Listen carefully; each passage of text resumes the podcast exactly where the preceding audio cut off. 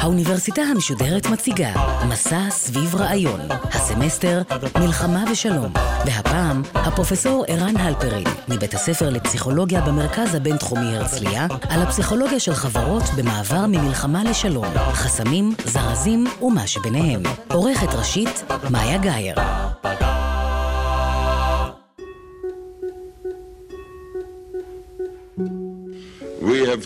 From Jerusalem to Washington because it is we who must say. And we are here to say, peace is our goal. It's peace we desire. שלום לכם, שמי ערן אלפרין, ואני חוקר ומרצה בבית הספר לפסיכולוגיה במרכז הבינתחומי בהרצליה. אני פסיכולוג חברתי ופוליטי, ובמחקר שלי אני עושה שימוש בתיאוריות פסיכולוגיות ופוליטיות על מנת לחקור היבטים שונים של סכסוכים בין קבוצות. בשיחה הנוכחית אני אנסה להציג פרספקטיבה מעט יוצאת דופן להבנה שלנו של תהליכים של מלחמה ושלום. אני ארצה להציג מבט פסיכולוגי על האנשים והחברות שחיים במציאות של סכסוך מתמשך ואלים, תוך שאני נותן דגש מיוחד לקושי והאתגר שקשורים לתהליכים שעשויים להוביל למעבר ממצב של מלחמה או עימות אלים למצב של שלום או יישובו של אותו סכסוך אלים בדרכי שלום. ההרצאה תכלול ארבעה חלקים. כשבראשון אני אנסה לתאר את ההקשר ולהציג מסגרת קונספטואלית בהירה למצב של סכסוך אלים ומתמשך בין קבוצות שאנחנו מגדירים כסכסוך בלתי נשלט. בחלק השני, אתאר את התהליך החברתי-פסיכולוגי של היווצרות תשתית פסיכולוגית פונקציונלית, שמאפשרת לחברות בסכסוך להתמודד עם האתגרים המרכזיים של הסכסוך.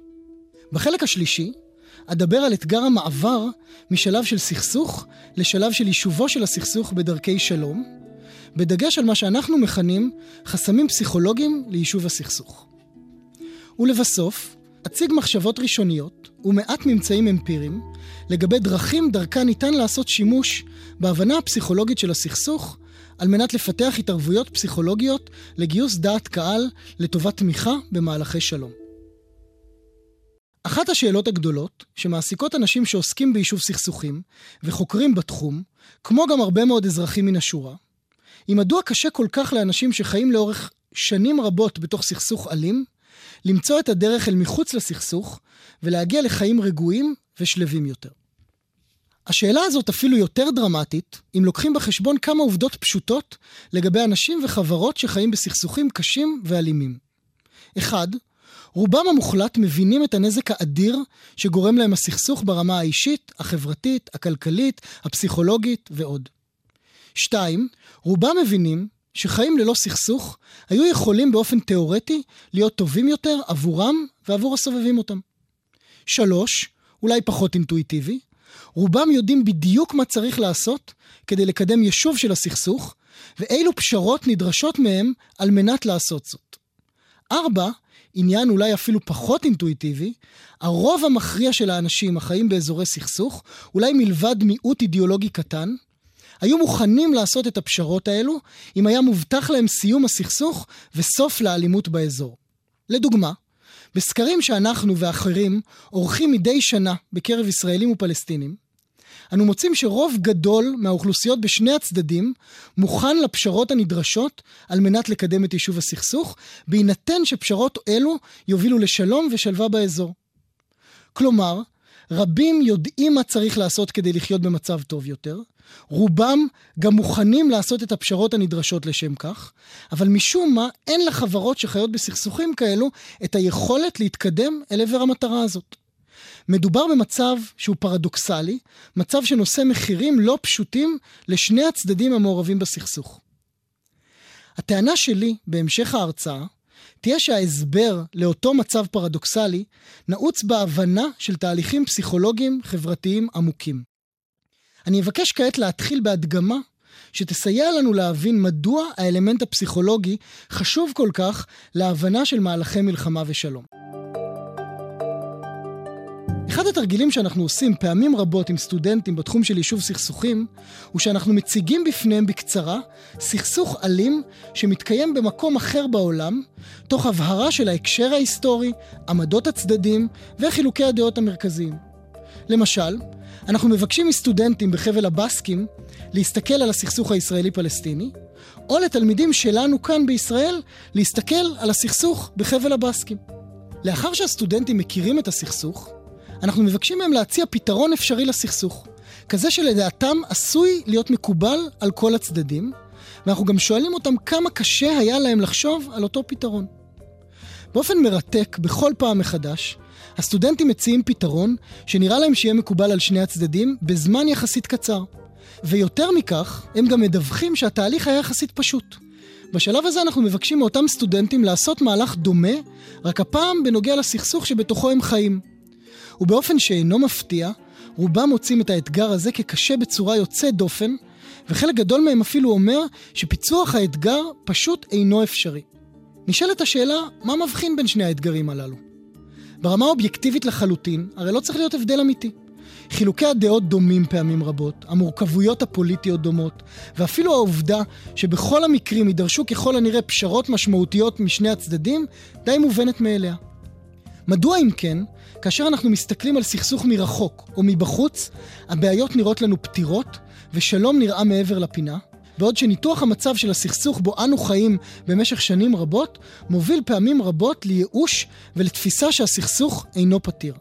הטענה שלי היא שההבדל העיקרי בין שני המצבים הוא שעל אחד מהם אנו מסתכלים באופן קר, מרוחק ובמידה רבה אובייקטיבי, בעוד שעל האחר ההסתכלות שלנו מערבת מעבר לניתוח האובייקטיבי גם טעינות רגשית גדולה, זיכרון קולקטיבי מוטה לגבי ניסיונות ואירועי עבר בסכסוך, כמו גם אמונות יציבות ומשפיעות לגבי האופי והאחריות של כל אחת מהקבוצות המעורבות להמשך הסכסוך. הפער בין אותו ניתוח חיצוני לניתוח הפנימי מאגם בתוכו הלכה למעשה את המרכיב הפסיכולוגי של חברות בסכסוך.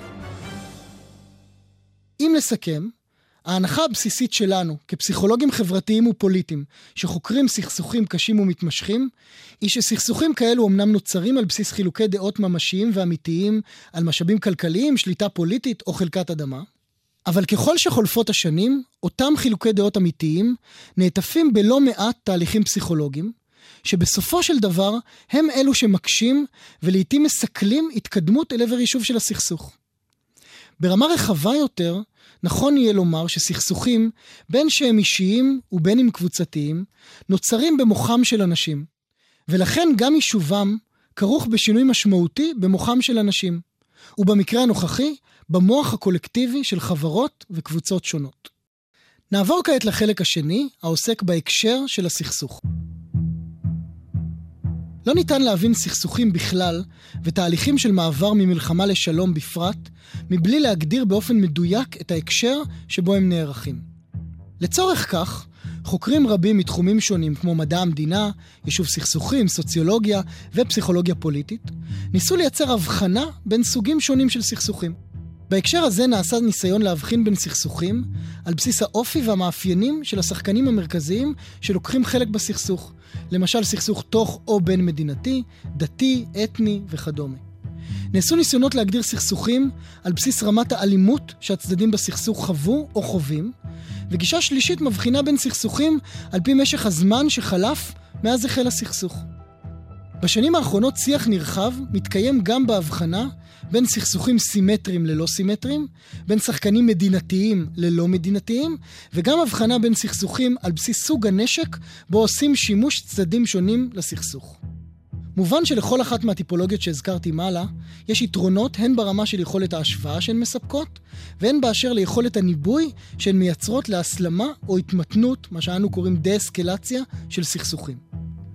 אולם בעשורים האחרונים חוקרי סכסוכים מובילים, כדוגמת לואיס קריסברג ודניאל ברטל, הציעו טיפולוגיה אינטגרטיבית שבעיניי היא שימושית מאוד.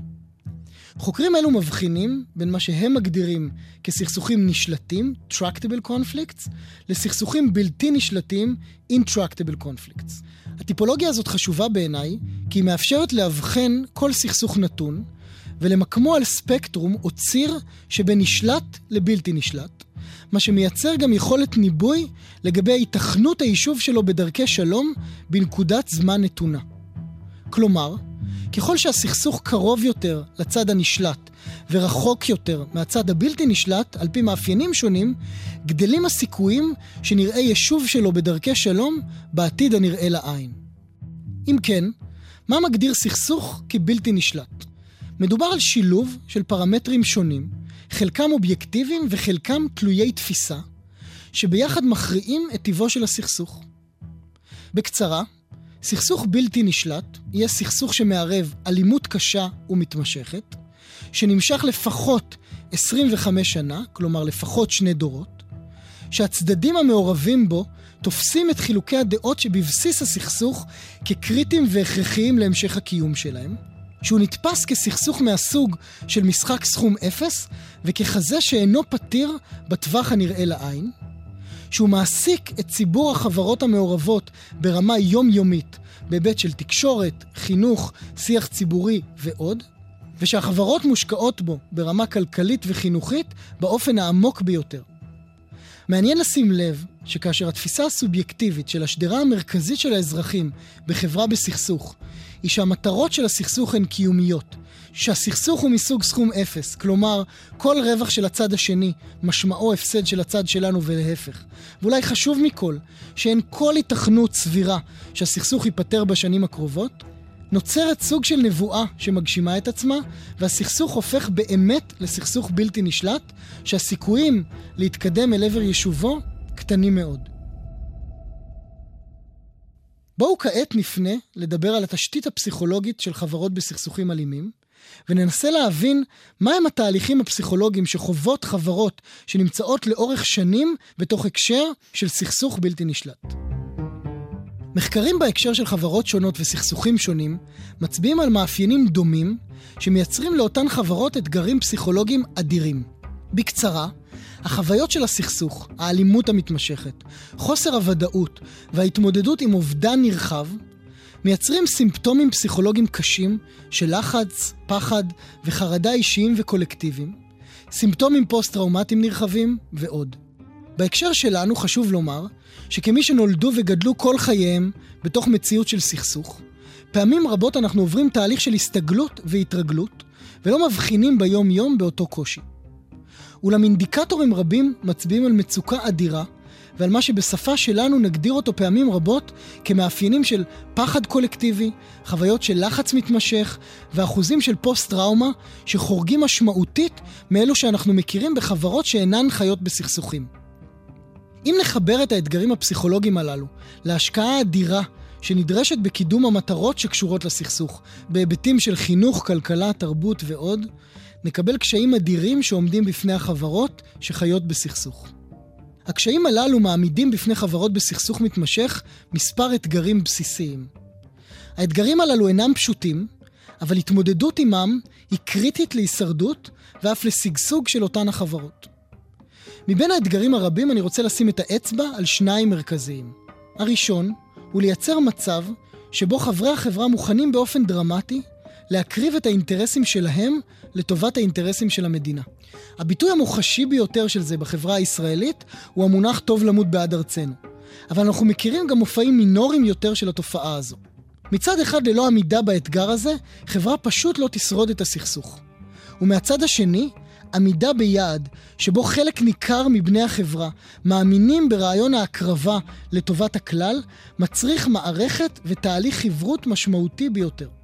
שנית, החברה צריכה, על מנת לאפשר לאזרחיה לקיים חיים סבירים, לתת לאזרחים תחושה של חיים טובים ונורמליים בתוך מציאות מתוחה, קשה וכמעט לא נורמטיבית מבחינה פסיכולוגית. כאשר אנשים חיים בפחד, חוסר ודאות ולחץ, העובדה שהם מקיימים חיים מלאים, פעילים ואף מאושרים אינה מובנת מאליה. היא חייבת להיות תוצר של מהלך חברתי רחב ומתמשך שמאפשר התמודדות מעין זו.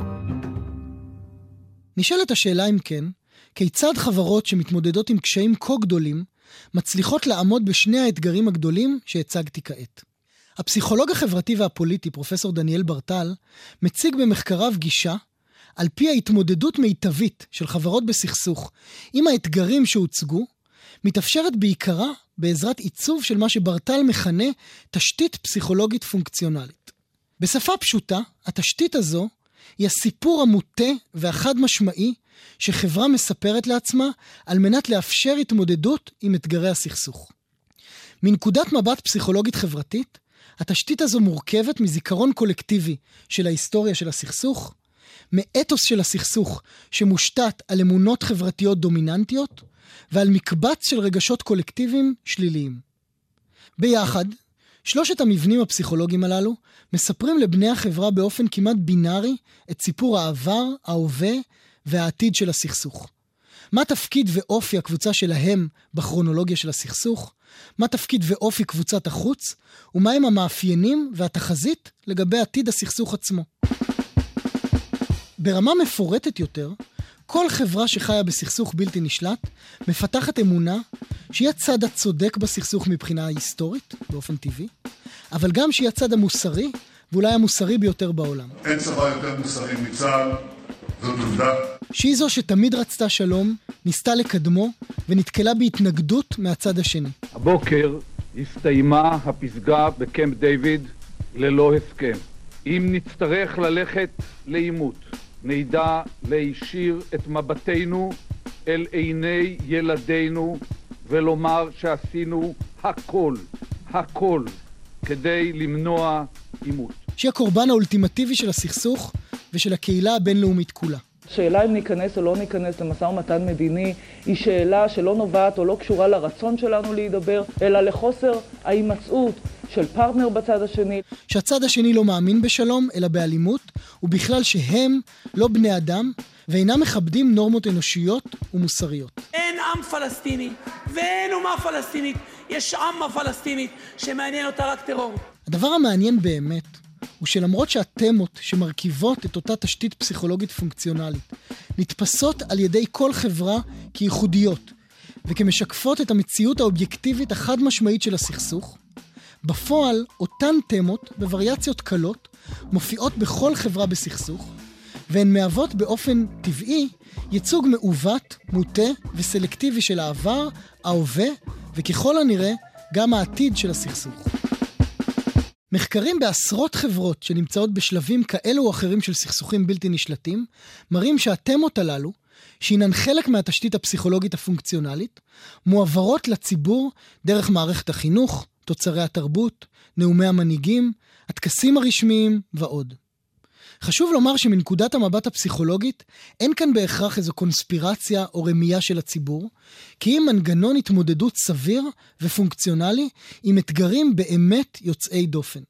לצורך הדוגמה, אם נחזור לרגע לאתגרים, אף אדם סביר לא יאמר לעצמו טוב למות בעד ארצנו, אם הוא מאמין שבפועל הסכסוך די מורכב, האחריות להימשכותו היא של שני הצדדים, ששניהם פוגעים בסיכוי לקדם שלום.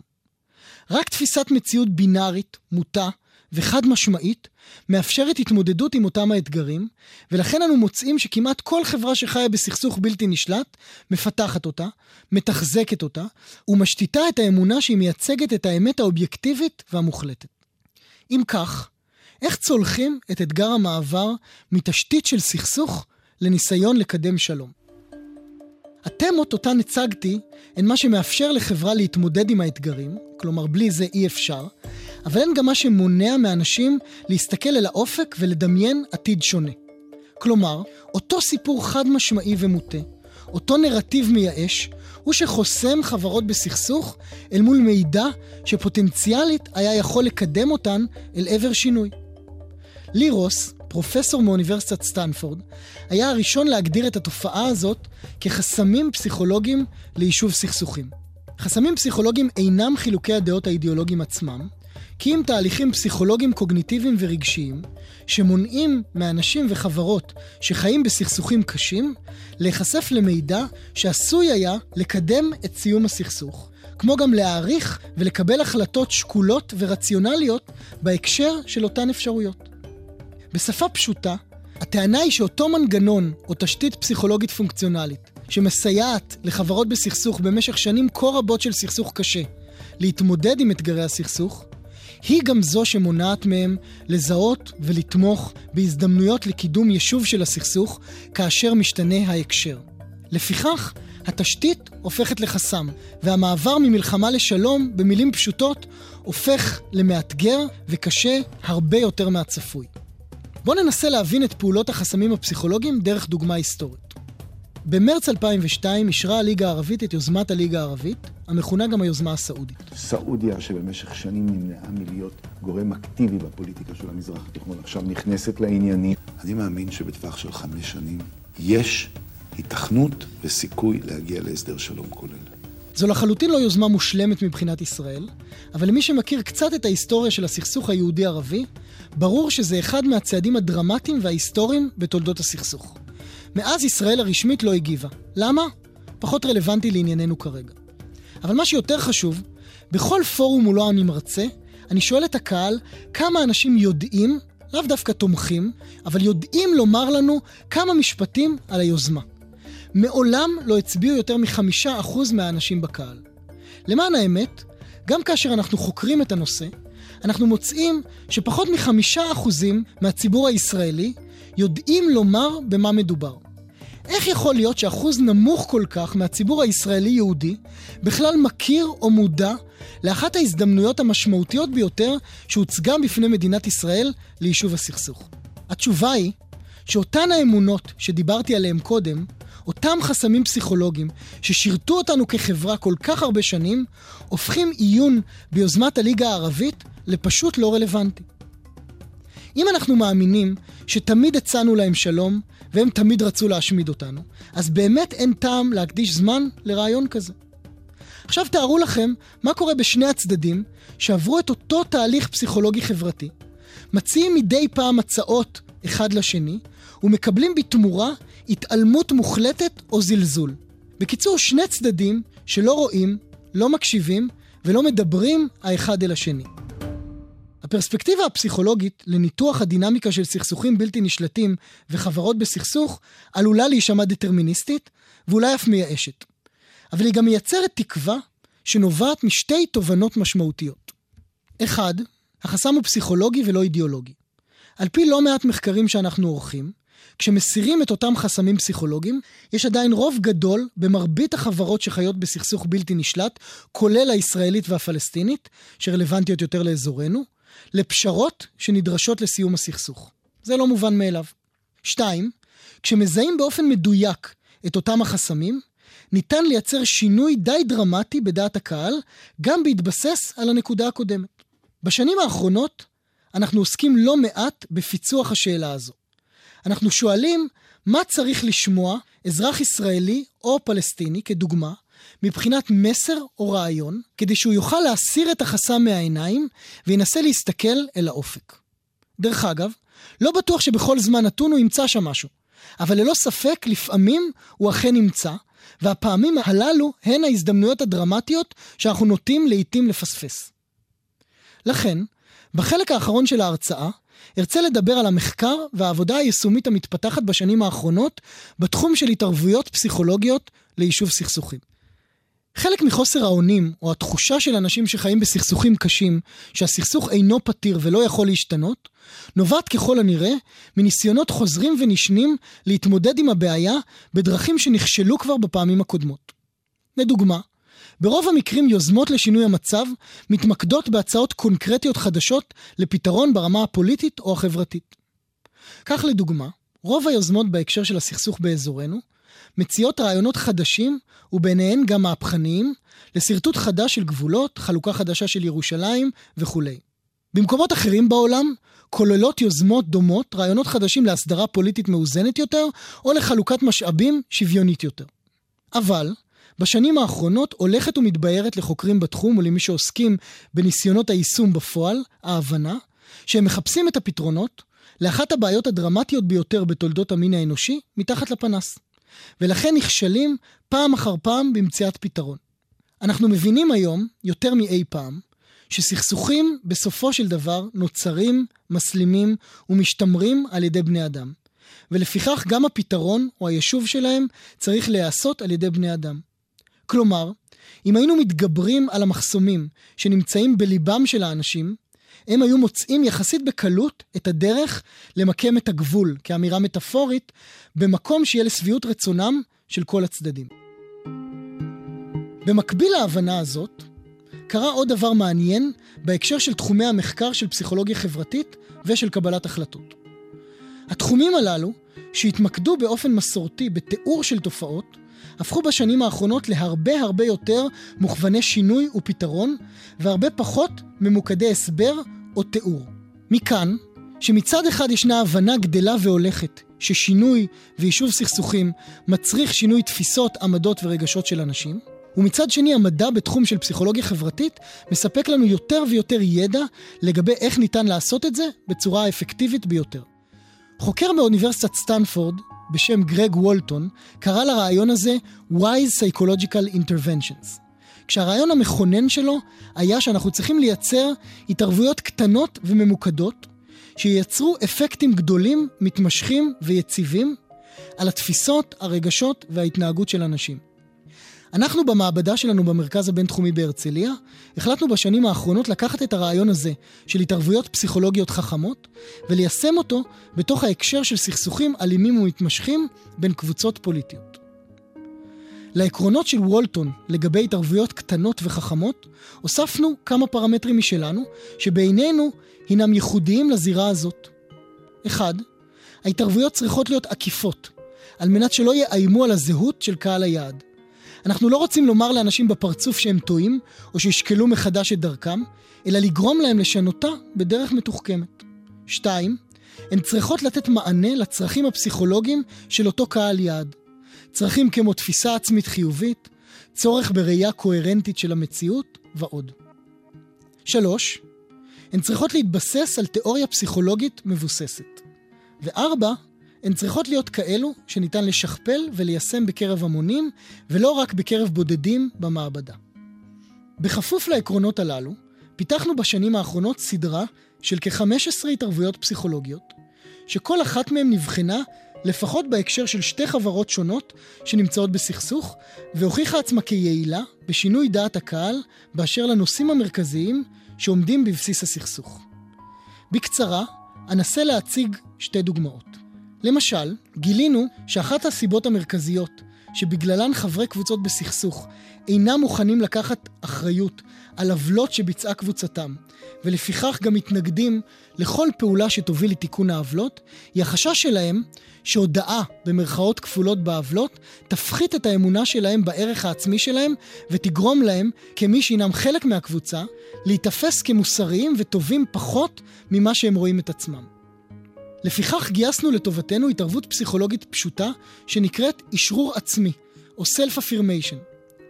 במסגרתה, לפני שנחשפו אזרחים ישראלים ובוסנים, במקרה של המחקר הזה, לעוולות שביצעה קבוצתם כלפי קבוצה אחרת, הם התבקשו לכתוב על שלושה ערכים שחשובים להם, ולספר כיצד הם מיישמים בחייהם את אותם ערכים. באופן מעניין, אותם אנשים, שניתנה להם ההזדמנות לאשרר את מוסריותם, היו מוכנים לאחר מכן לקחת אחריות וגם לפצות את קבוצת החוץ על עוולות שנגרמו על ידי קבוצתם ברמה של כ-30% יותר מנבדקים להם לא ניתנה אותה אפשרות לאשרור עצמי. זו התערבות מינורית וקצרה שהובילה לשינוי דרמטי בתחום שהינו קריטי לקידום יישובם של סכסוכים קשים, קרי לקיחת אחריות על עוולות. בסדרת ניסויים נוספת ניסינו להתמודד עם העובדה שעל פי אחת הסיבות המרכזיות שבגללן אנשים, בעיקר כאלו שאינן מחזיקים בעמדות אידיאולוגיות קיצוניות במיוחד, אינם מוכנים להתפשר עם האויב, היא העובדה שהם אינם מאמינים שפשרה תוביל לאיזשהו שינוי מהותי במוטיבציות, ברצונות או בהתנהלות של אותו אויב. בישראל, האמונה הזאת מקבלת ביטוי לעיתים קרובות, כשאנשים אומרים דברים כמו גם אם ניתן לערבים הכל, הם עדיין ירצו להשמיד אותנו. הבנו שלנסות ופשוט לומר לאנשים שזה לא נכון, עלול לפעול כבומרנג. לפיכך, במקום זה, יצרנו התערבות חינוכית קצרה, בה לימדנו אנשים שקבוצות, באופן כללי, יכולות לעבור שינויים דרמטיים, כשהסביבה, המנהיגות או המצב הכלכלי שלהן משתנה. הדגמנו את זה בעזרת קבוצות שלקחו חלק בכמה מהסכסוכים הקשים ברחבי העולם, אבל לא הזכרנו את הזירה הישראלית-פלסטינית. באופן מעניין, שינוי האמונה הזה הגביר בקרוב ל-40% את הנכונות של פלסטינים וישראלים לבצע כמה מהפשרות הפוליטיות הדרמטיות ביותר שנדרשות מהם על מנת ליישב את הסכסוך הישראלי-פלסטיני. חשוב מזה, כשעקבנו אחרי יציבות השינוי לאורך זמן, מצאנו שהוא נשאר יציב לתקופה של מעל שישה חודשים. כאמור, אלו רק שתי דוגמאות מתוך ארגז כלים פסיכולוגי רחב יותר, שיכול לסייע לחברות בסכסוך לראות באופן נקי יותר את חילוקי הדעות ביניהן, ואולי לקדם את יישוב הסכסוך. מה שצריך להוסיף לכלים האלו עכשיו, הוא רצון כן ואמיתי לקדם את יישובם של הסכסוכים הללו. ואת הרצון הזה חשוב לחפש, ואולי אף לייצר, הן בקרב הציבור הרחב, והן בקרב המנהיגות שלו.